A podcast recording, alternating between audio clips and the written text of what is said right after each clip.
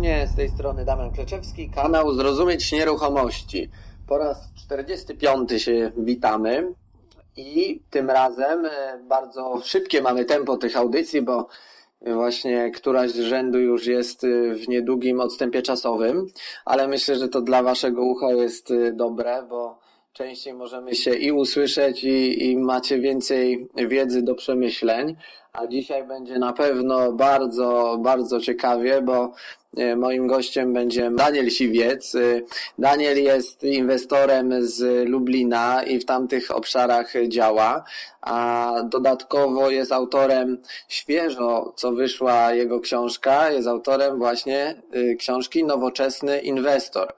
I będziemy i rozmawiać o książce, i o możliwościach inwestowania, Y, poprzez y, spółkę ZO, czy też y, wszystkie takie formy, które będą się mogły Wam przydać na poziomie takim średnio bądź wyżej zaawansowanym, ale też do dużych inwestycji, więc mam nadzieję, że ta wiedza Wam się dzisiaj bardzo mocno przyda.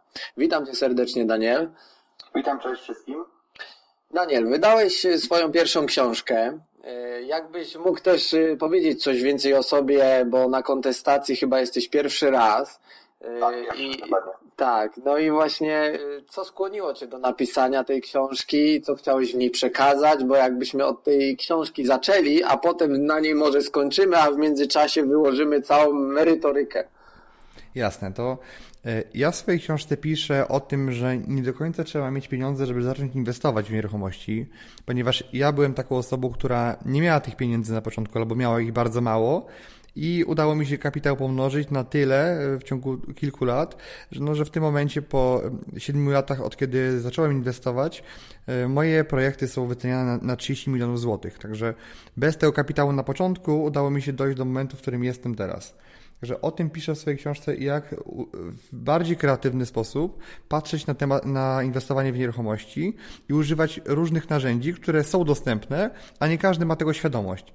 Albo nawet jeżeli ma świadomość, bo ktoś jest długo na rynku, to nie do końca umie sobie te kropki po, po, połączyć i, i, zobaczyć, jak można e, dojść do tego, żeby inwestować w nieruchomości z mniejszym kapitałem. No, moje inwestycje są generalnie oparte o dźwignię. No, w tym momencie jestem deweloperem, który buduje i ma, realizuje pięć projektów inwestycyjnych. Między innymi to są lofty. Kupiłem fabrykę, którą przerabiam właśnie na, na, na takie lofty. I takich ciekawych tematów to, to robię też w Lublinie mikroapartamenty, czyli takie bardzo małe lokale, typowo stricte nastawione na wynajem. No, czyli na pewno tych inwestycji sporo, więc widzimy, że rozmach masz do, dość duży. E, zaraz będziemy o tym rozmawiać, tylko jeszcze a propos książki, e, bo wydawałeś ją e, właściwie no samodzielnie, taki self-publishing z pomocą Marcina Osmana i Kamili. No i właśnie, czy taki proces był dla Ciebie opłacalny z poziomu takiego komfortu, czy też finansowego, że Y, tak nawiązując trochę do audycji z Marcinem, którą y, wczoraj zamieściłem, y, jak to było w Twoim przypadku? Bo jesteś, że tak powiem, ich klientem. Tak, to jeżeli chodzi o koszty, to jakby sam proces wydawania książki w stosunku do inwestowania w nieruchomości to są jakby groszowe sprawy, także nie mogę powiedzieć, że to jakkolwiek mój budżet nadszarpnęło. E, ja to zrobiłem własnym, e, własnym nakładem własnego czasu i własnych pieniędzy. Na samym końcu skorzystałem tu jakby z usług profesjonalistów w postaci Marcina i Kamili, gdzie oni pokierowali mnie pod kątem już jakby jak książka była na finiszu i potrzebowałem usług specjalistycznych, żeby tą książkę wziąć do kupy, poskładać i wydać, wydrukować. E, no i teraz pomagały mi również na etapie promocji tej książki i marketingu.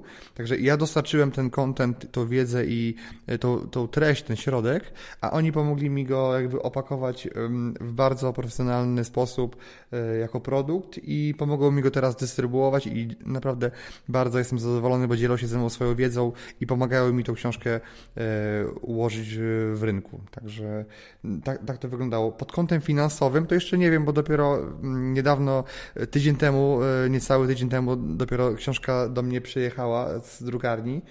Finansowo nie, nie potrafię jeszcze tego ocenić.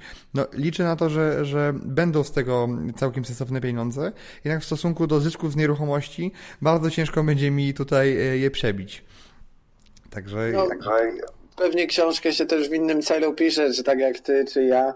y, mamy te swoje pozycje, ty, ty tą pierwszą i, i jest to ona bardziej taką właśnie ulotką, która ma ciebie promować, ale też za którą się niesie konkretna wiedza, którą się dzielisz, bo no ja tą książkę czytałem pra, prawie do końca, bo y, tam 20 stron mi zostało jeszcze, ale no robi to wrażenie na pewno na czytelniku z takim poziomem wiedzy podstawowym, prawie średnio zaawansowanym, bo są pewne rzeczy, które mocno uświadamiają, e, jak można działać w nieruchomościach, a na pewno e, Twoja osoba, która coś nowego wnosi, zawsze każda nowa książka, jak wyjdzie na rynku nieruchomości, wnosi jakąś tam, jakieś nowe spojrzenie, jest o tyle inna, że tutaj chcesz przedstawić różne sposoby na finansowanie tych nieruchomości, bo to jest często problem i to też przejawia się w moich rozmowach z klientami, że nie potrafią sobie poradzić z finansowaniem. Ja może w rozmowie z Tobą dzisiaj chciałbym poruszyć kilka takich kwestii w związku z tym inwestowaniem, czy z finansowaniem bardziej, żeby osoby, które nas słuchają, Y, nie tyle mogły sobie poczytać trochę y, o tym w Twojej nowej książce, natomiast y, miały jakieś szersze spojrzenie na to, że da się kupować nieruchomości w różny sposób, a może o tym wcześniej nie wiedziały. I właśnie ta praktyka, którą ty stosujesz, cechuje się pewną taką specyfiką. Jakbyś mógł trochę więcej powiedzieć o tych swoich strategiach, którymi się posługujesz na co dzień. Jasne, to ja tutaj jakby mm, postawiłem na to, żeby w tej książce była wartość, której jakby nie znalazłem w innych książkach i której jakby nie wyczytałem. Mm, poprzez modele, które ja zaimplementowałem mm, w swojej pracy i jakby i też po części niektóre wymyśliłem i wykreowałem, ponieważ e, uważam, że one są jakby najważniejsze, bo jeżeli chodzi o, o kwestie takie, czy to techniczne, czy prawne, to, to bardzo łatwo można znaleźć specjalistę w postaci prawnika, czy, czy kogoś, kto pokieruje nas na zasadzie chociażby jak sprawdzić księgę wieczystą, co zrobić krok po kroku, albo ewentualnie można znaleźć eksperta, który poradzi nam pod kątem technicznym czy, czy remontowym. I to dostęp do takiej wiedzy jest dosyć, dosyć prosty, bo, bo, bo ona jest jakby łatwo dostępna ale z kolei większość tych inwestycji jest finansowana w sposób raczej e, taki standardowy i mniej kreatywny, czy to za pieniądze własne, pieniądze, czy to pieniądze z banku. Tak, moje modele finansowania są, są trochę bardziej różnorodne i trochę bardziej no, kreatywne i uważam, że to jest największa wartość, bo taki prawnik, który generalnie by znał te modele, to być może bardziej by mu się opłacało realizować inwestycje niż koniecznie służyć, robić usługi prawne. No, jakby przechodząc do meritum, to, to chcia, pytałeś mnie o to, żebym ewentualnie przedstawił kilka tych sposobów, tak? Tak. No, jakbyś mógł się podzielić, tak, żeby dać słuchaczom jakąś wartość w postaci tego, o czym też piszesz w książce, żeby no, naświetlić, co można jeszcze dodatkowo zrobić, żeby sfinansować nieruchomość. Okej, okay, no to może ja powiem, jak ja zrobiłem swój pierwszy case, jak kupiłem y, swoje pierwsze mieszkanie, gdzie nie miałem pieniędzy jeszcze na, na, w całości na, na zakup tego. Miałem, miałem tam jakieś odłożone pieniądze po pracy na etacie i e, udało mi się znaleźć okazję, która polegała na tym, że cena była odpowiednio niższa rynkowo, bo to było jakieś 20-30% poniżej rynku. I problemem tych ludzi, którzy byli sprzedającymi, było to, że mieli tam zajęcia komornicze i mieli generalnie zadłużoną nieruchomość, więc ona generalnie była nie do zbycia, dopóki się nie, nie wyczyściło spraw własnościowych i, i spraw e, prawnych. Także potrzebowali ode mnie pieniędzy po to, żeby uregulować stan prawny. I teraz oni nie mieszkali, nie mieszkali w tej nieruchomości, bo mieli inną, jednakże, no, żeby ją sprzedać, to musieli ją y, oddłużyć. Teraz ja powiedziałem im, że ok, kupię od nich tą nieruchomość, spłacę ich długi, ale oni w zamian za to dadzą mi klucze do tej nieruchomości i będę, y, i mam 6 miesięcy na to, żeby generalnie sfinalizować transakcję, czyli żeby znaleźć kapitał, finansowanie, albo żeby znaleźć kogoś innego na moje miejsce. Czyli ja się z nimi dogadałem na umowie przedstępnej, zabezpieczyłem swoje interesy, płaciłem im zadatek i generalnie miałem pół roku na to, żeby znaleźć klienta, który od, ode mnie tą nieruchomość kupi za wyższą cenę. I efekt był taki, że ja, ja im dałem 30 tysięcy złotych tytułem zadatku, i e, zarobiłem kolejne 30 zł na odstępnym za, ten, za, to, e, za to mieszkanie, które e, oni mi sprzedali. Więc no, ktoś by powiedział, no dobra, ale co by było, gdybyś nie miał tych pieniędzy? E, gdybyś za pół roku tego mieszkania generalnie e, nie mógł kupić. To ja miałem taki plan B, że to było na tyle duża i transparentna okazja, że zawsze, zawsze by się znalazł ktoś, kto ma tam 100, 120 tysięcy w gotówce, kto by mi ewentualnie wszedł ze mną w jakiś e, deal, czy by, nie wiem, kupił to mieszkanie na siebie ewentualnie i odpaliłby mi jakąś część tego zysku, który by zarobił w ramach takiej poduszki. No mi się udało to zrobić w trzy miesiące praktycznie sprzedając tą nieruchomość na rynku już dalej. Ja bardziej sprzedałem odstępne, czyli sprzedałem prawo do tej umowy, która, e, która była zawarta. Także ja sprzedałem to. Jednakże no, było takie pewne ryzyko, jednakże ja miałem tą poduszkę. I teraz najważniejsze jest pytanie, kto sfinansował mi zakup tej nieruchomości? Tak, można by powiedzieć z jednej strony, że zrobili to sprzedający, którzy mieli problemy finansowe i nie mieli pieniędzy. Jednakże czekając na, na pieniądze ode mnie, czyli te pół roku, które mi dali, w pewnym sensie finansowali mi, bo ja już mogłem je wystawić na rynku i sprzedać. Czyli oni byli moim finansującym, prawda?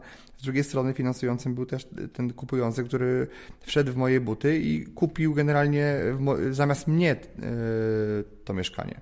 I to jest jakby taki kreatywny sposób dosyć, że jak można się dogadać ze sprzedającym, żeby to on sfinansował e, ten proces między kupieniem nieruchomości, a jej sprzedaniem docelowemu klientowi.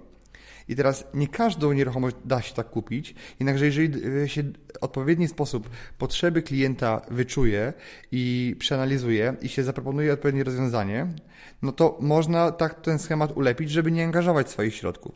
Ja teraz, mimo tego, że kupuję dużo mieszkań za gotówkę i to jest jedyny warunek często, żeby kupić, położyć na stole pieniądze i kupić, to jak to się tylko da, to próbuję to generalnie odroczyć albo żeby, żeby to sprzedający mi sfinansował.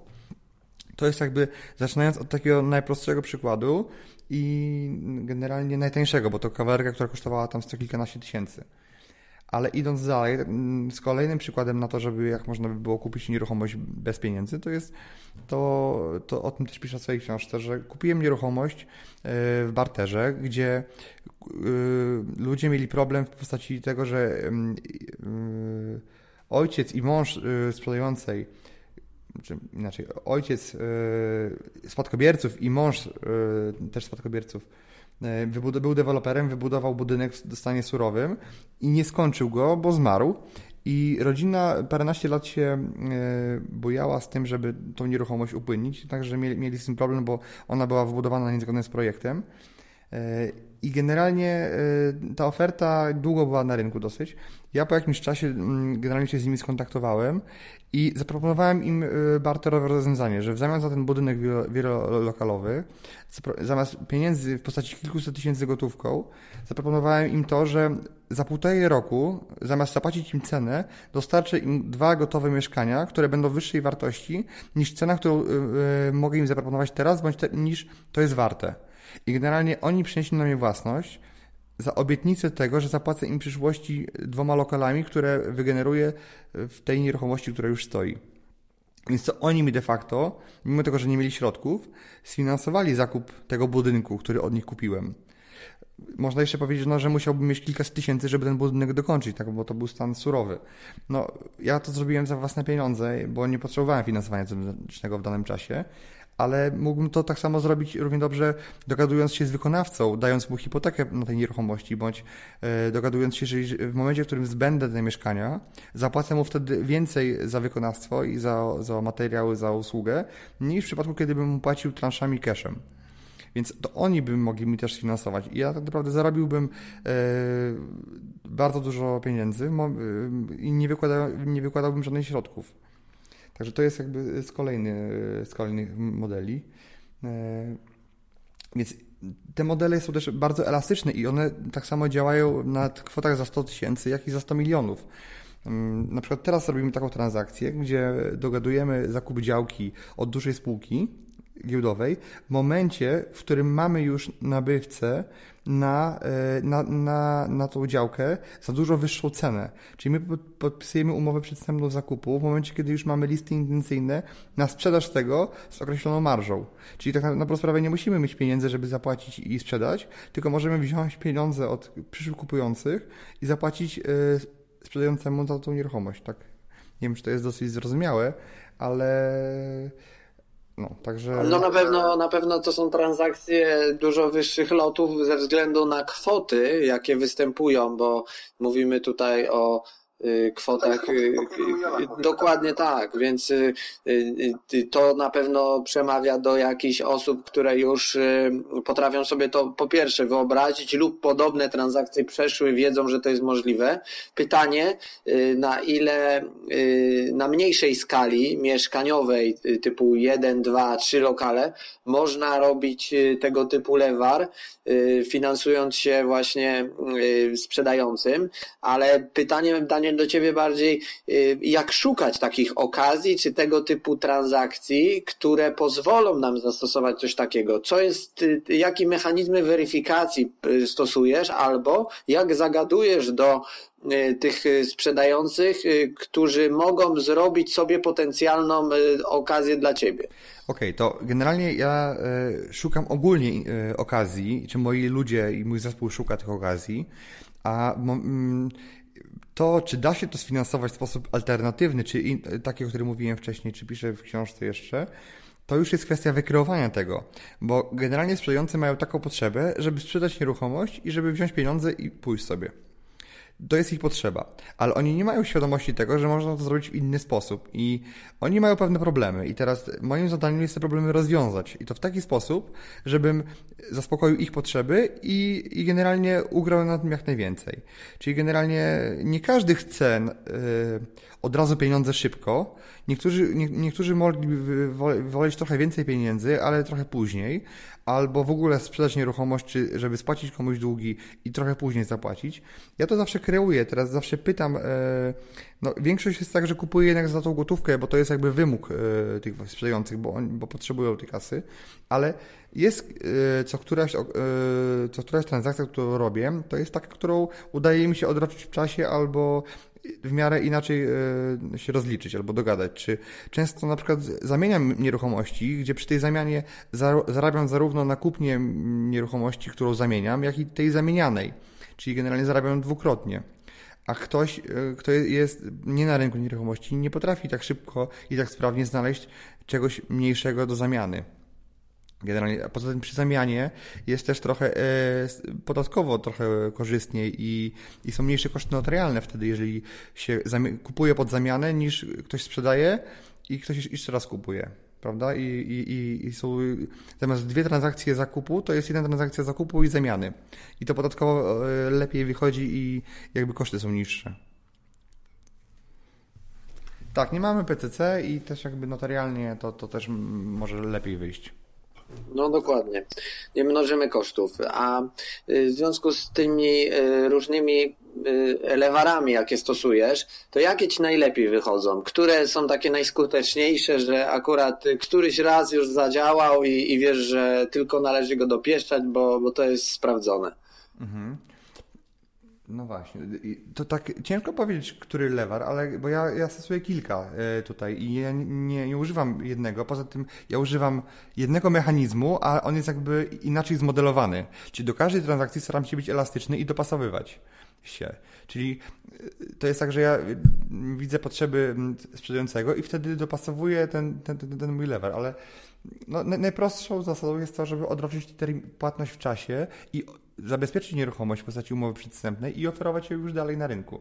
To jest bardzo fajny model i on bardzo fajnie działa. No, nie zawsze się go jednak da stosować, e, ale no, on działa i on jest, chociaż nie jest łatwo, trzeba, trudno się znajduje okazję, żeby kupić tanio na przykład, albo znaleźć pewną wartość, której nikt nie widzi, bo to ja nie, nie, nie tylko kupuję nieruchomości tanie, poniżej rynku, ale też Czasami kupuję powyżej rynku, jakby patrząc na to ogólnie czy porównawczo, ale czasami widzę okazję tam, gdzie inni jej nie widzą, czyli wykreowuję pewną wartość.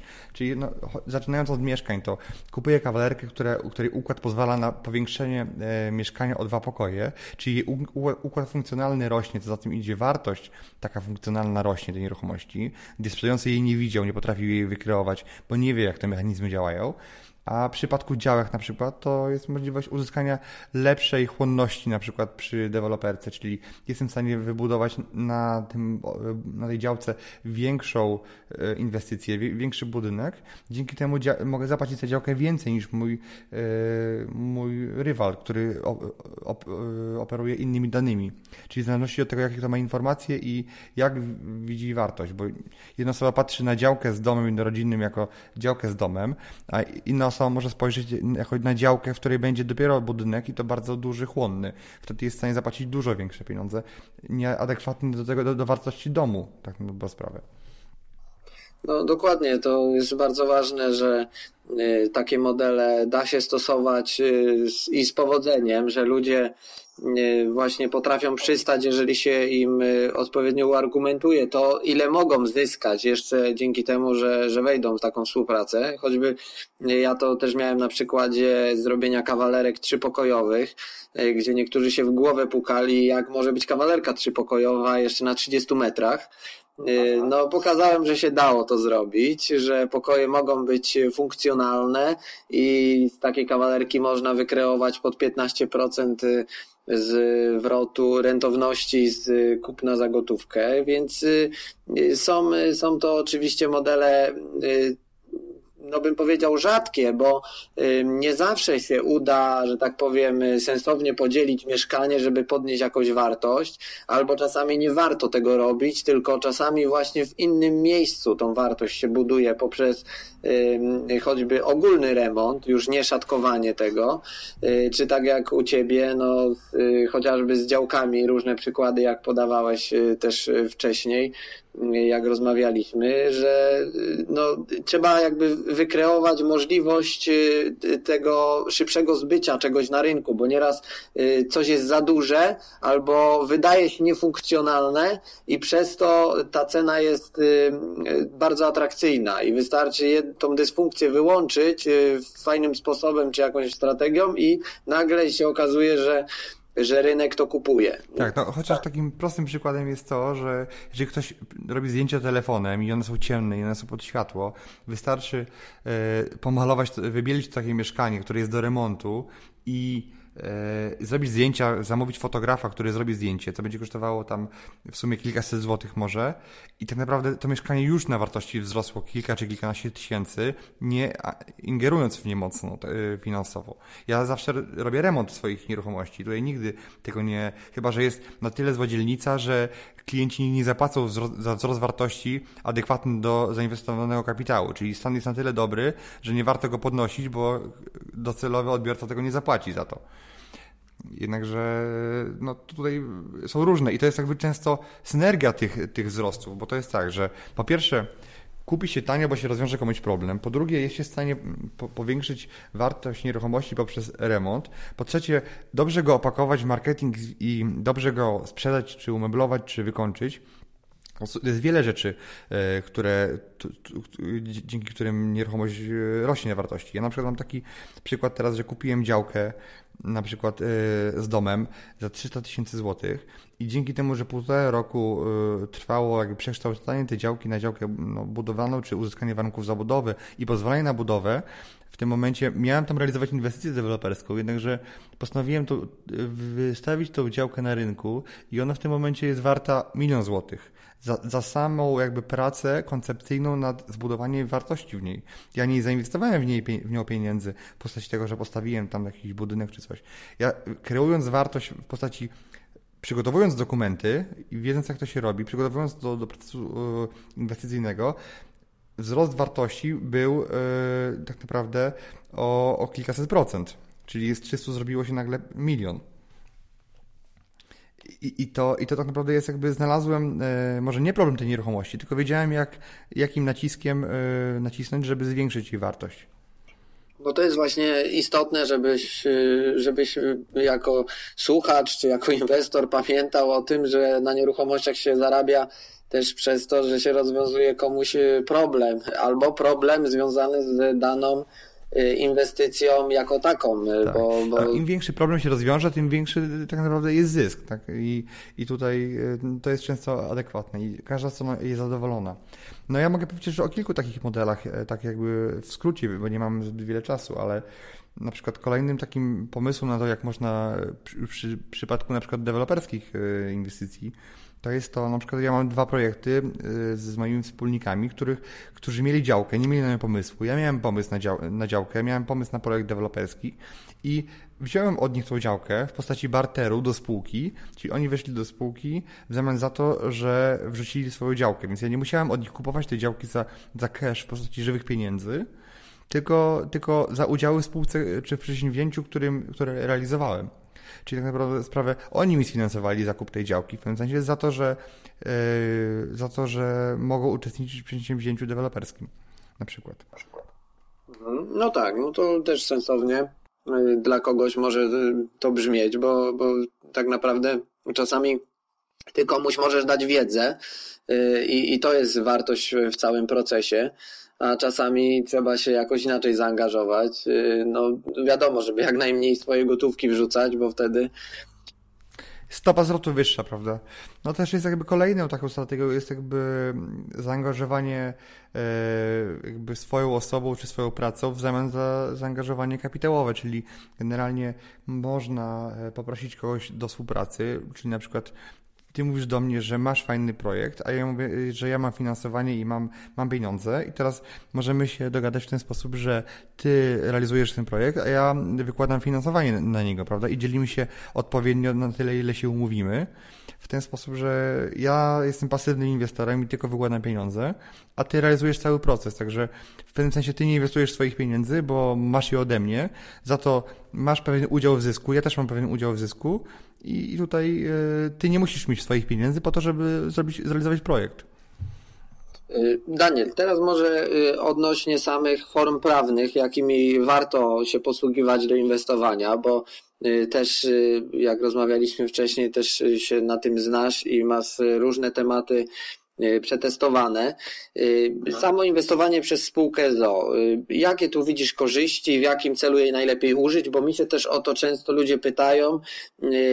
Na część rzeczy potrafię kogoś przekierować, część wyjaśnić.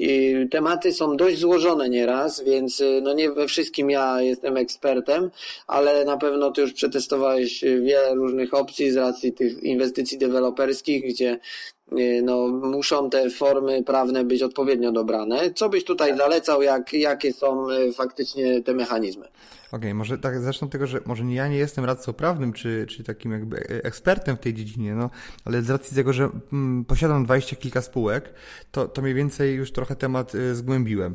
To wszystko zależy od tego, na jakimś jest etapie. No, w przypadku początków inwestowania czasem warto zacząć od działalności jednoosobowej, ale w, większości przypadków najbardziej opłaca się i najbezpieczniej jest zacząć od spółki ZO, bo to jest jakby najtańsza forma prowadzenia działalności. Jest y, w przypadku, kiedy spółka ma dwóch wspólników, to jest zwolniona z ZUS-u. Y, no jednakże płaci się podwójny podatek dochodowy w postaci CIT-u i PIT-u. Także tu, tutaj jest, jest e, taka przeszkoda. Jednakże pieniądze można ocitować i przed opodatkowaniem dywidendą można je dalej reinwestować, nie trzeba ich wypłacać, także tutaj nie ma takiego musu. Ja na przykład, e, a może później powiem, co, jest u mnie, ale w przypadku takich korzyści to jest to, że to jest jakby odrębna osoba prawna i w przypadku jakiegoś tam niepowodzenia, czy w przypadku jakiegoś problemu, no nie z naszej winy i tutaj, gdzie nie możemy tego przewidzieć, no chroni nas ta odpowiedzialność E, do, do, do, kapitału, który włożyliśmy w tą spółkę. Także tutaj jest ograniczona odpowiedzialność, jak sama nazwa mówi.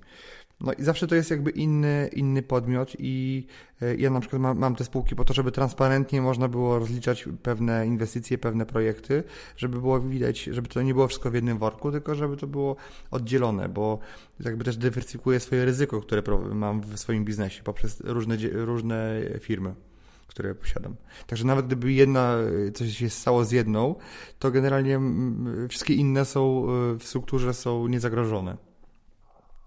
A powiedz, y, czy spółką ZO warto wtedy każdą działalność w nieruchomościach y, y, tutaj ją uruchamiać, czy czasami lepiej wybrać inną formę, na przykład połączyć ze spółką komandytową? Jak to połączyć? Jakie tutaj takie połączenie daje korzyści? Mhm, to ja generalnie większość biznesów mam w oparciu o spółki komandytowe. Mam też spółki ZO, ale jednak większość y, tych interesów, gdzie jakby mam duże wypłaty zysku, to, to, to świadczę poprzez spółki komandytowe. I teraz y, no, spółka ZO jest tylko komplementariuszem, który jakby nadzoruje spółkę komandytową i ją zarządza, a ja jestem tutaj komandytariuszem tych moich spółek po to, żeby czerpać korzyści w postaci udziału w zysku tych spółek. I teraz no, odpowiedzialność jest taka, że zawsze odpowiada ta spółka ZO yy, pełnym majątkiem, a ja odpowiadam tylko do wysokości sumy komandytową, której wniosę w tą spółkę.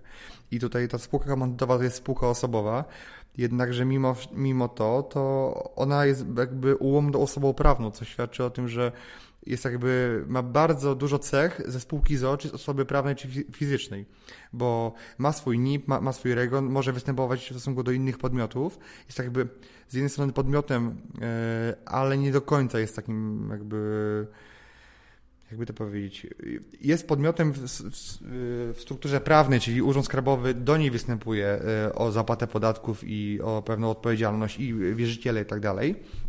Jednakże e, jakby to jest dalej spółka osobowa, co daje korzyści podatkowe, że dochód z takiej spółki jest opodatkowany tylko i wyłącznie raz w momencie, w którym e, się płaci podatek PIT. Czyli one już jakby są transparentne podatkowo, czyli nie płacą podatku dochodowego od swojej działalności, tylko podatek płaci na końcu właściciel tej firmy, czyli komandytariusz, w postaci, kiedy wypłaca sobie udział w zysku. No tutaj też istotne są kwestie zabezpieczeń majątkowych, bo y, zarówno w jednym, jak i drugim przypadku odpowiada się tym majątkiem, no ale jednak ta droga jest dużo y, bardziej skomplikowana, bym powiedział, dla wierzyciela niż dla niż w przypadku osoby fizycznej czy też y, osoby prowadzącej działalność gospodarczą. No tak, no, tak. generalnie jeżeli jest wszystko poukładane tak jak zgodnie z prawem, z przepisami, to tak naprawdę nie ma odpowiedzialności, prawda? Jeżeli odpowiednio wcześniej się wszystko zrobi, ale jeżeli są pewne zaniechania i są pewne ewidentne tutaj e, że te błędy wynikały jakby ze świadomości zarządu, no to wiadomo, że jest odpowiedzialność tak jakby i karna i, i tutaj e, i cywilna. Jednakże wiadomo, że każdy biznes niesie ze sobą ryzyko pewne. Jeżeli są pewne działania tutaj, których się nie da przewidzieć, no to one są, to, to ryzyko jest dosyć ograniczone. Teraz kwestia jest tego, jak się tą spółkę prowadzi prawnie, czyli, czyli generalnie się wszystkie, wszystkich procedur mm, dopilnowuje, żeby było to zgodnie z przepisami, tak. Ja tutaj jakichś wielkich nie widzę jakby ryzyk odpowiedzialnościowych pod warunkiem, że się wszystko robi w terminie, no bo jeżeli spółka ma problemy finansowe i zarząd tego nie, nie, nie zgłasza i nie, nie, nie zgłasza wniosku o upadłość, no to generalnie wiadomo, że wtedy odpowiada całym swoim majątkiem za zobowiązania tej spółki. Tak, to prawda. No to generalnie bym powiedział, że w branży nieruchomościowej tych y, ryzyk może się wydawać bardzo dużo, ale względem y, takich branż powiedzmy nastawionych, nie wiem, na usługi y, czy sprzedaż jakichś takich produktów, których możemy się zakopać, bo za dużo się ich kupi, czy tam nie ma gdzie zmagazynować, albo klientów nie będzie, no jest relatywnie mniej bym powiedział, bo mamy produkt, który jest na rynku dość pożądany i albo są to mieszkania, albo lokale użytkowe i, i to generalnie y, znajduje na siebie klienta, więc y, tutaj Y, praca z takim produktem akurat y, jest y, o tyle wygodniejsza, bym powiedział. Mhm. No wszystko zależy od tego, jaki to jest produkt, bo na przykład są nieruchomości magazynowe, gdzie, gdzie jedna spółka posiada tylko i wyłącznie jeden majątek w postaci magazynu i nie daj Boże skończy im się płynność, nie zdążą tego wybudować, bo nie wiem, poszły koszty stali w górę i zabraknie im finansowania, bank odmówi dofinansowania, więc generalnie no, jakieś pewne ryzyka są, tak? Pytanie, czy jest jeszcze jakieś dodatkowe źródło. Więc jak to w każdym biznesie że są ryzyka, jednakże no, można je minimalizować, jeżeli się robi to w odpowiedni sposób i dosyć y, ma poukładane wszystko. Daniel, a jakbyś e, powiedział jeszcze parę pomysłów na obracanie lokalami. I tutaj e, pole do odpowiedzi masz szerokie, bo e, możesz jakby podejść też do tematu, co zrobić, żeby wartość tego lokalu jakoś, jak ty ją podnosisz, może tak, jak ty robisz daną inwestycję mieszkaniową, bo tutaj na mieszkaniówce teraz bym się chwilę skupił w, w temacie. I właśnie jakbyś powiedział, jaki masz koncept na, na robienie inwestycji mieszkaniowych. Okej, okay, to jedna z moich firm zajmuje się y, no, takim flippingiem i skupowaniem nieruchomości. I tutaj no, my kupujemy różnie, bo kupujemy kilka nieruchomości, no, y, nie ma dużej chłonności na to, żeby kupić kilkanaście miesięcznie. E, I głównie to są nieruchomości, które mają często, zazwyczaj, zawsze praktycznie, stan techniczny do remontu, ale też mają stan prawny często z różnymi problemami. Czy to są komornicy, wierzyciele, hipoteki, e, rzeczy, które generalnie e, powodują, że nieruchomość jest mniej płynna na rynku, bo, bo ma pewne problemy i taki potencjalny kupiec z kredytem nie jest w stanie ich rozwiązać, a nawet jakby był, to, to jakby mentalnie nie jest y, gotowy na to, żeby to kupić, bo, bo to jest zbyt duży problem, że w księdze wieczystej jest pisany komornik na przykład. E, tak, także jakby my szukamy, szukamy okazji i jest jakby wiele narzędzi do, tego. Generalnie robi to mój zespół, który, gdzie ja często kupując te mieszkania nie widzę ich na oczy, ponieważ już e, pracując na tym rynku długo, widziałem ich, ich setki, dziesiątki, więc tak naprawdę wystarczy mi rzut, te, te, rzut takiej nieruchomości narysowany przez mojego pracownika, który często jest moim pełnomocnikiem i, i kupuje w moim imieniu notarialnie ta, taką nieruchomość do tego, żeby podjąć decyzję o tym, czy warto kupować i za ile kupować e, taką nieruchomość. Także u mnie to jest tak, że jakby my, my, kupujemy to, bardzo dobrze znamy lokalny nasz lubelski rynek i jesteśmy w stanie zaproponować, mm, ja jestem w stanie założyć, założyć pewne, pewną cenę, nie widząc tego, tego, mieszkania, czyli takiego przyjmuję, żeby jestem pewny, że w momencie kupna już zarabiam na samym początku. Że jakbym chciał to sprzedać generalnie jutro, to już jestem zarobiony. I później jest jakby trafia taką nieruchomość u mnie do, do, do działu, który zajmuje się remontami, czyli tam mam takich dwóch koordynatorów, którzy zarządzają ekipami, które dla, dla nas pracują i jakby dostarczają wszystkich e, materiałów i, i pilnują jakości tych mieszkań. No i później to trafia do mojego biura nieruchomości, które, które zajmuje się sprzedażą e, tych lokali i tak to jest zorganizowane. No ja tego biznesu e, rozwijam go na tyle, ile mogę, jednakże pod kątem e, skali ciężko jest kupić więcej nieruchomości w tak krótkim czasie. Czyli nie mogę zrobić nagle tak, że jeżeli miałbym finansowanie, to kupię nagle 40 mieszkań. Bo po prostu no nie ma tyle okazji. Okazje przychodzą e, w odpowiedniej e, w odpowiednim czasie. Natomiast przy działalności deweloperskiej jak najbardziej można tutaj kupić większą działkę, wybudować więcej mieszkań, no i rynek to powinien wchłonąć. A powiedz, y, a propos samych remontów, jak optymalizować koszty tych remontów? Jak, y, gdzie szukać oszczędności albo gdzie nie warto ich szukać, żeby produkty, te elementy, które się daje do mieszkania w czasie trwania remontu, były dobre jakościowo i służyły klientowi dłużej? To my mamy na przykład tak, że my kupujemy często płytki e, bądź wszystkie materiały hurtowo. Czyli zamawiamy coś, mamy, mamy taki magazyn, do którego zamawiamy e, większej ilości towaru i to są często gdzieś tam rzeczy z Polski, które do nas przyjeżdżają, bo są znacznie tańsze niż, niż takie bieżące w tych marketach e, takich budowlanych i szukamy bezpośrednio, dużo kupujemy płytek, na przykład glazury w w takich namiotach, które mają rzeczy typu końcówki czy drugiego gatunku, które są bardzo dobre jakościowo, jednakże są przecenione o połowę czy nawet o, o, o więcej. Także tutaj, tutaj kupujemy, i od razu kupujemy palety czy dwie palety. Ta palet, te palety wjeżdżają do, do magazynu i czekają, aż sobie je, aż się skończą. I też na przykład zamawiamy jak rzeczy typu kontakt, typu listwy, które są powtarzalne, które, yy, czy jakieś nawet zaczynając od oprawek zwykłych, które zawsze są na mieszkaniach. Zamawiamy je po prostu w setka sztuk yy, hurtowo, po to, żeby później z tego magazynu je dystrybuować po konkretnym lokalu. Żeby nie było tak, że na każde mieszkanie robimy osobne zakupy i generalnie one sobie jadą, yy, bo w tych marketach duże, duże marżowanie jest generalnie na, na rzeczach takich najtańszych bo wiadomo, że niektóre duże rzeczy mogą być tanie. I często kupujemy też w marketach budowlanych y, wiele rzeczy. Jednakże takie, które są powtarzalne, kupujemy zawsze, y, zawsze hurtowo. No to na pewno hurt y, będzie robił dobrą cenę. Y, no i też różnego rodzaju promocje. Ja jeszcze myślę, y, warto korzystać i rozejrzeć się na rynku lokalnym, bo są często jakieś mniejsze hurtownie niż y, duże sklepy budowlane, markety typu Leroy, czy Obi, czy, czy Castorama.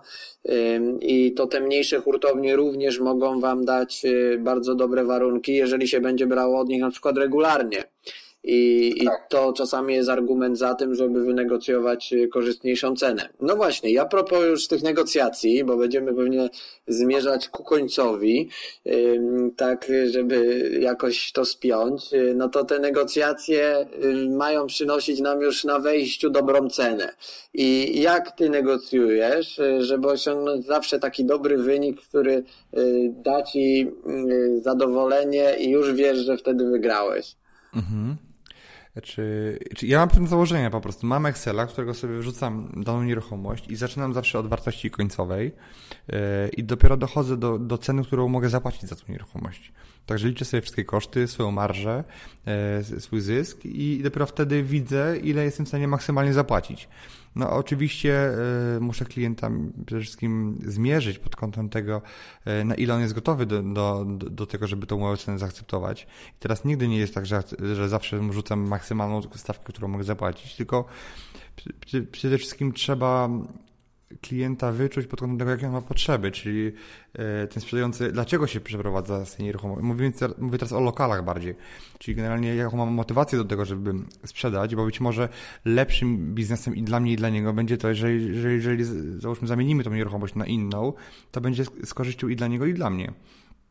Także ta analiza potrzeb jest tak naprawdę i przy sprzedaży, i przy kupnie tak samo ważna, żeby zrobić, e, żeby wiedzieć, e, w jakiej ktoś jest sytuacji, jak można mu pomóc, na co możemy liczyć, bo wtedy możemy ofertę e, złożyć. Mi się zdarzyło tak, na przykład, że miałem, kupowałem taką nieruchomość, za którą byłem w stanie spokojnie zapłacić 200 tysięcy złotych i, i bym dobrze na nie zarobił.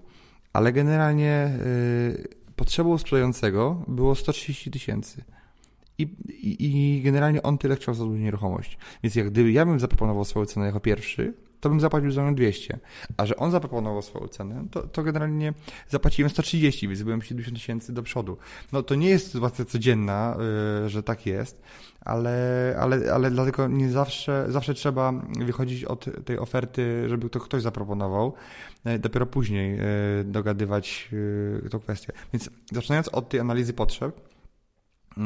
Ja często na przykład, jeżeli proponuję alternatywne finansowanie, czyli to, to o czym mówiliśmy na początku, to zawsze staram się dawać dwie oferty, czyli albo na przykład yy, tak było w przypadku tego, tego budynku, który kupiłem w barterze, że dałem bardzo niską cenę w, gotówce, albo bardzo, albo bardzo atrakcyjną i wysoką e, cenę w postaci barteru w przyszłości. Czyli taką, rzuciłem e, taką E, ta, taką ofertę, która była już jakby na, na zasadzie kontrastu, pokazywała, że ta druga oferta jest lepsza i faktycznie oni ją wybrali. No, jedną z metod też jest jakby, żeby rzucić bardzo niską piłkę, taką bardzo niską ofertę, która pozwoli nam też wyczuć, na ile ten sprzedający jest skłonny do negocjacji i skłonny do tego, żeby, żeby zejść z tej ceny. E, I to zawsze jest taka jakby e, gra między, między osobami, ale często jest to, to jest telefonicznie, czyli na przykład moi ludzie negocjują już i proponują tę cenę. Ja jestem tylko, można powiedzieć, osobą decyzyjną, która akceptuje już teraz te oferty i to oni często negocjują. Mm, ale staram się zawsze nie tylko negocjować ceny, ale też warunki pozostałe, bo często jest tak, że ok, ja mogę kupić tą nieruchomość na przykład, dzisiaj podpisuję umowę przedstępną, finalizujemy ją załóżmy za 3-4 miesiące, ponieważ sprzedający, nie wiem, ma jakieś rzeczy do załatwienia, czy jakieś formalności do spełnienia typu zaświadczenie o podatku, czy jakieś inne rzeczy, ale na przykład ta nieruchomość już jest teraz e, wolna, która, gdzie ja mogę tam wejść i zacząć remont. Dla mnie wartością jest to, że ja zanim zapłacę tę nieruchomość, już jestem w stanie wejść do tej nieruchomości, zrobić remont, już ją zacząć ogłaszać i sprzedawać także to jest pewna wartością, którą y, ktoś może mi zaproponować i zawsze staram się taką wartość odnaleźć. Poza tym, że za ile kupuję, bo jeżeli ja mam zapłacić za coś dzisiaj, a dostanę ten towar dopiero za 3 miesiące, a kasy, a kasy już puściłem i już nie ma tej kasy, to jest też inaczej to traktuję, czy inaczej wyceniam tą ofertę. Czyli jestem w stanie zapłacić za dwa mieszkania inną kwotę, w zależności od tego, czy będę muszę za nią zapłacić teraz i w zależności od tego, czy ja dostanę do niej klucze teraz. Czyli tak jakby podsumowując, jeżeli mm, na przykład ktoś mi odroczy w czasie płatność i da dostęp do nieruchomości w postaci w posiadanie mi ją da, to jestem w stanie zapłacić odrobinie mniej, e, więcej za nią. Także wtedy może być ona dla mnie droższa, bo nie, też nie muszę angażować kapitału na 3, 4, 5 miesięcy, ale w przypadku kiedy na przykład ktoś mówi, dobra, ja ci ją sprzedam tanio, że nie zarobisz, ale wydam ci ją dopiero w posiadanie za 2-3 miesiące, czy nawet więcej, to ja sobie to automatycznie kalkuluję, bo pieniądz też ma swoją cenę i też jest kosztem pewnym, że wtedy za nią płacę mniej. No dokładnie, to jest cały proces negocjacji. To są takie urywki, które warto właśnie zastosować z tego, co mówisz, a właśnie ja też staram się tłumaczyć osobom, które gdzieś ze mną się spotykały, że no nie negocjują ceny sprzedającego, tylko swoją cenę. Bo y, często jest tak, że a fajnie by było jakby 10% zeszli z tego, co widzimy w ogłoszeniu, czy tam 15. No ja mówię, no y, słuchaj, no i co? I wtedy zapłacisz. No zapłacę. No ale to co ty na tym zarobisz? Zrobisz remont, urobisz się i co? I 10-15 tysięcy masz na flipie. No to nie jest warte tego, żeby cały zachód, cały, cały, to nie jest warte jakby zachodu, natomiast warte jest elementu nauki i dla niektórych się to opłaca ze względu na to, że mogą się czegoś nauczyć. Natomiast ten schemat, o którym tutaj wspomniałeś, żeby najpierw wykalkulować cenę, za którą można to nabyć, y, będzie decydować, y, od jakiej ceny my wychodzimy i do jakiej powinniśmy dojść, a nie y, do jakiej powinien dojść sprzedający, bo to jest zgoła inne, inna perspektywa i, i to ta perspektywa powoduje, że jedni inwestorzy mają świetne wyniki, a inni mają y, może ich dużo, ale są bardzo przeciętni ze względu na to, że y, te negocjacje y, kończą na jakimś tam małym buforze I, i, i nie mając tego buforu większego, nie ma też większych zysków, no bo rynek nie jest w stanie, że tak powiem, przepłacać za nieruchomość nie wiadomo jak mocno, więc, mhm. więc no z tym trzeba na pewno uważać. Jasne, więc generalnie takim poziomem odniesienia powinna być nie wartość ofertowa, tylko wartość rynkowa i do tego się zawsze powinniśmy odnosić w przypadku, kiedy y, dajemy ofertę, bo często, znaczy często, zdarzało mi się tak, że płaciłem powyżej tego, jaka była oferta, ponieważ to się dalej kalkulowało bo miałem konkurencję, która dawała ofertową cenę, więc musiałem, żeby kupić nieruchomość, na której ja widziałem wartość, której nie widział sprzedający, ja zapłaciłem więcej niż ofertowa cena. I to też jest możliwe, pod warunkiem, że to się kalkuluje na końcu, czyli ja wiedziałem, jaka jest wartość ostateczna.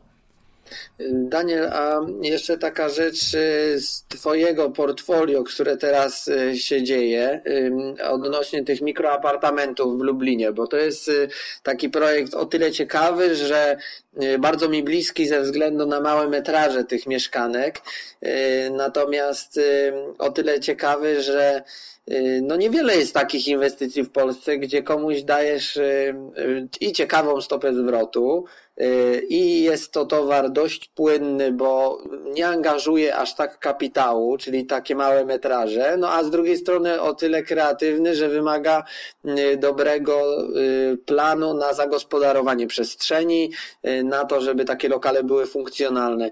Jakbyś mógł w paru zdaniach powiedzieć coś o tym projekcie? Okej, okay, to mniej więcej on polega na tym, że wykorzystujemy po pierwsze lukę na rynku, która jest, ponieważ deweloperzy nie są w stanie dostarczać takich małych mieszkań, głównie z, z dwóch powodów. Pierwszy powód to jest taki, że generalnie prawo na to nie pozwala, żeby mieszkania były tak małe, bo one muszą mieć minimum te 25 metrów. A drugi powód to jest taki, że na każdy lokal bardzo często muszą zbilansować i wybudować jedno bądź półtora bądź dwa miejsca postojowe.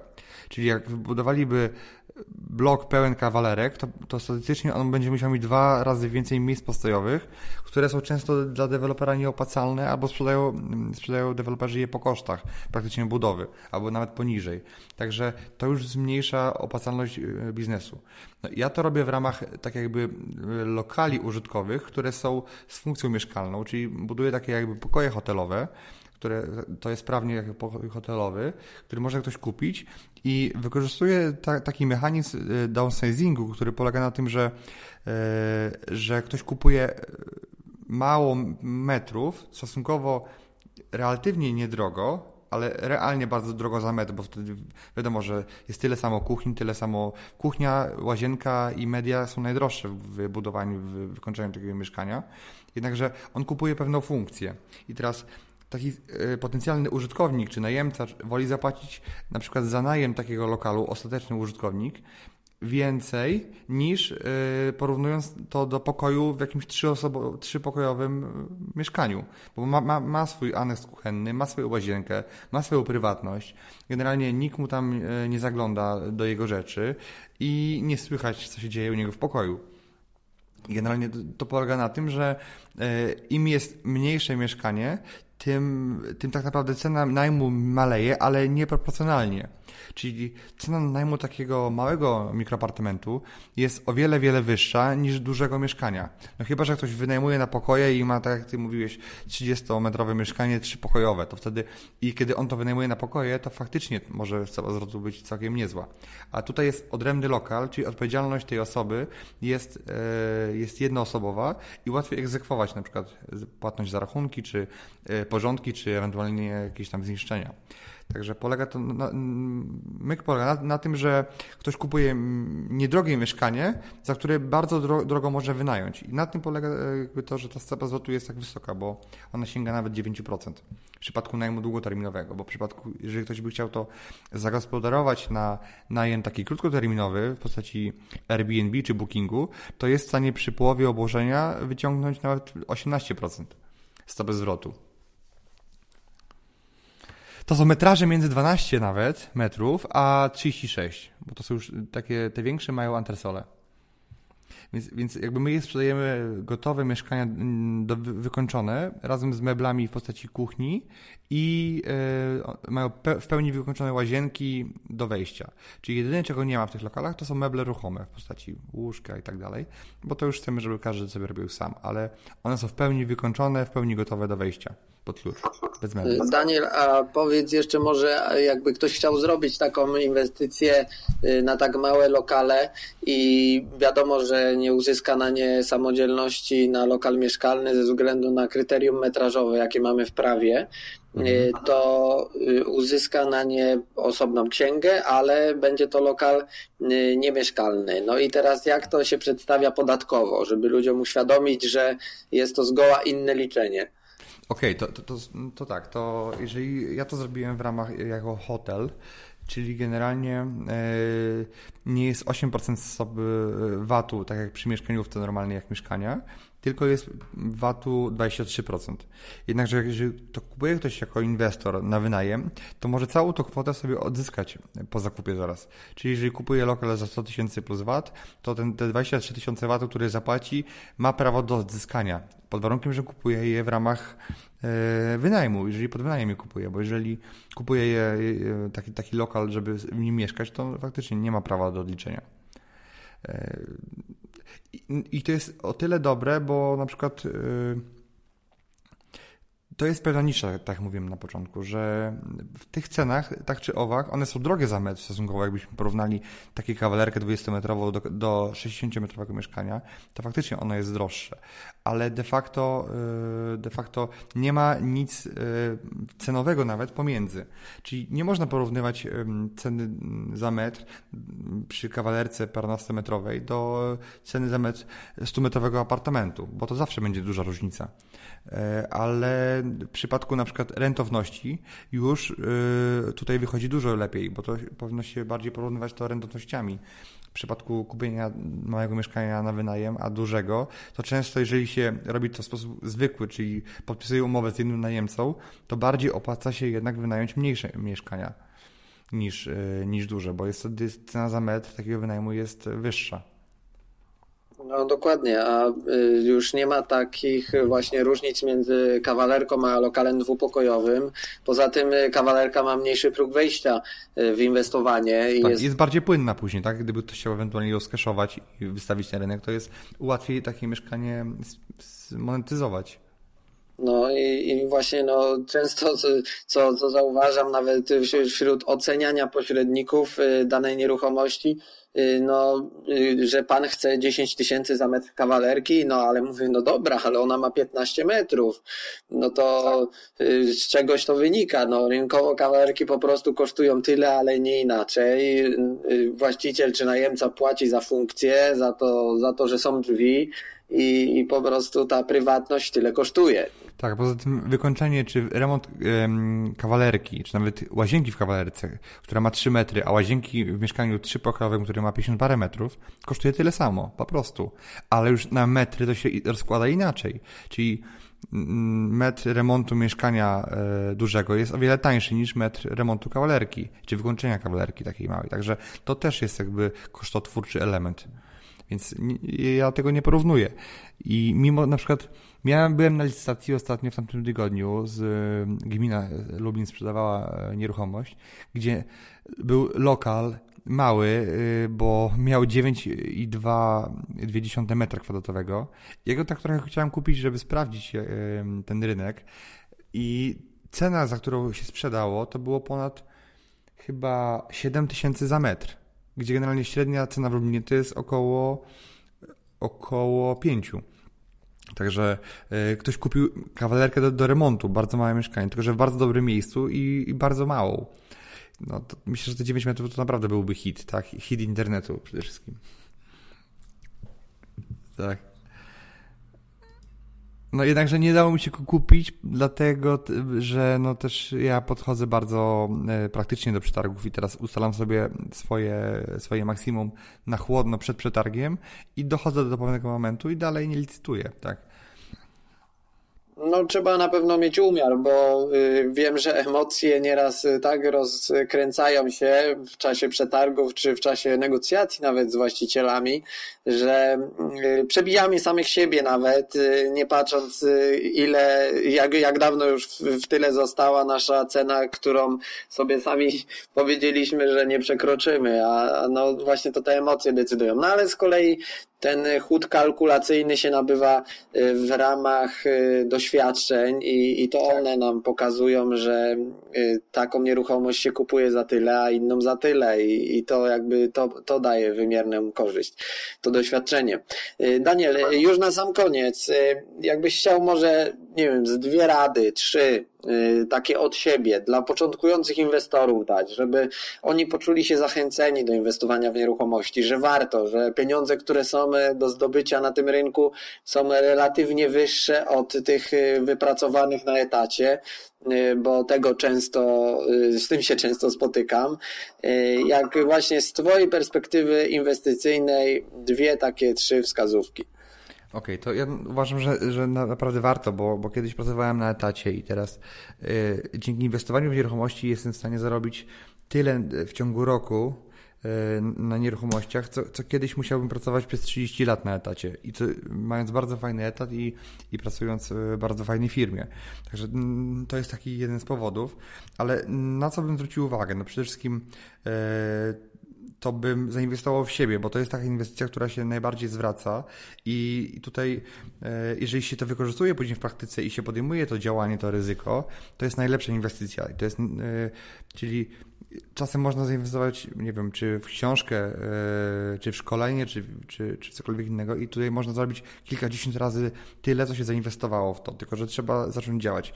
No ktoś mi kiedyś powiedział, że e, można inwestować w nieruchomości nie posiadając gotówki, no ja w to uwierzyłem, zawierzyłem trochę naiwnie, no i mi się to udało oczywiście po roku nie zarabiania niczego, Jednakże no, jestem w tym miejscu, gdzie jestem teraz i, i, mm, i to jest takie fajne w nieruchomościach, że można używać tej dźwigni, tylko żeby to wszystko połączyć, pokleić ten biznes, trzeba też, też mieć trochę wiedzy, bądź znaleźć ludzi, którzy mają wiedzę, bo na przykład jest dużo agentów nieruchomości, których można zaangażować i zatrudnić i żeby i mogą pomagać takim inwestorom. Czy to pod kątem wyszukiwania okazji, czy to też ewentualnie przy analizie, ile okazja, którą sobie znajdziemy sami, byłaby warta na rynku, i w jakim tempie by się sprzedała. Także jakby korzystać też jakby z y, pomocy ekspertów, którzy są na rynku, bo takim ekspertem może być też notariusz, który może powiedzieć, y, podpowiedzieć pod kątem prawnym, jak przygotować nieruchomość do transakcji, jakie dokumenty w danym przypadku będą. I często nie weźmie za to ani grosza, bo, bo ty będziesz jego klientem przyszłym, tak? I jest w stanie tu je doradzić. To może być, no właśnie tak jak mówiłem, pośrednik, to może być też doradca kredytowy, który też widzi, e, obsługuje ileś wniosków i jest w stanie powiedzieć, e, po ile ludzie kupują te, te mieszkania, bo patrząc na oferty nieruchomości, to są często poboczne życzenia tych, którzy sprzedają. To, to, nie są realne ceny rynkowe, tylko to są oferty albo ich potrzeby, które nie do końca mogą być odzwierciedleniem tego, co jest, y, co jest na rynku, tak, co pokazuje rynek. Ten prawdziwy, taki, który płaci cenę nieruchomości, a nie ten, który pokazuje, że ma do sprzedania. Także to są takie dwie chyba y, takie rady, które mi teraz przyszły do głowy i które bym udzielił osobom początkującym.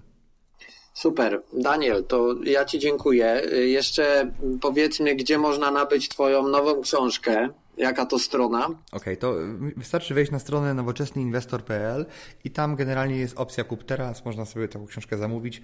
Póki co ona jest tylko dostępna e, w internecie na, na stronie OSM Power, e, także mm, tam można ją nabyć. Marcin y, Osman ma wyłączność na tą chwilę ze... Tak, tak. tak. Marcin, Marcin tutaj zajmuje się jej sprzedażą, dystrybucją, e, także on jakby ją sprzedaje. Dokładnie. Dobrze, jak będziecie mieć jakieś pytania, y, czy do mnie, czy do Daniela po naszym wywiadzie, to zapraszam do zadawania ich w komentarzu pod audycją. Y, jak nazbiera się ich trochę, czy pojawią się jakieś takie szczególne, no to y, przekażę, żeby Daniel też mógł tam odpowiedzieć Wam na to, co będzie Was trapić.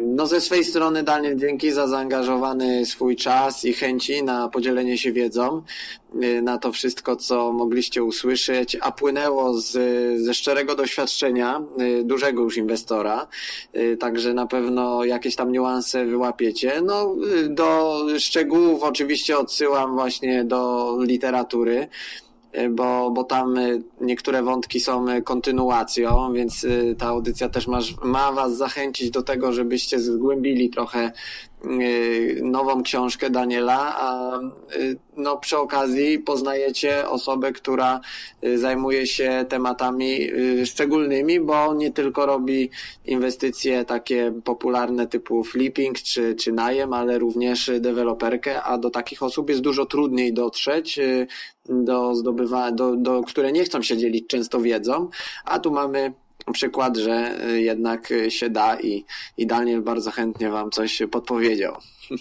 okay, to dziękuję bardzo za zaproszenie. No, ja wam, ja wam również dziękuję, także trzymajcie się i wszystkiego dobrego.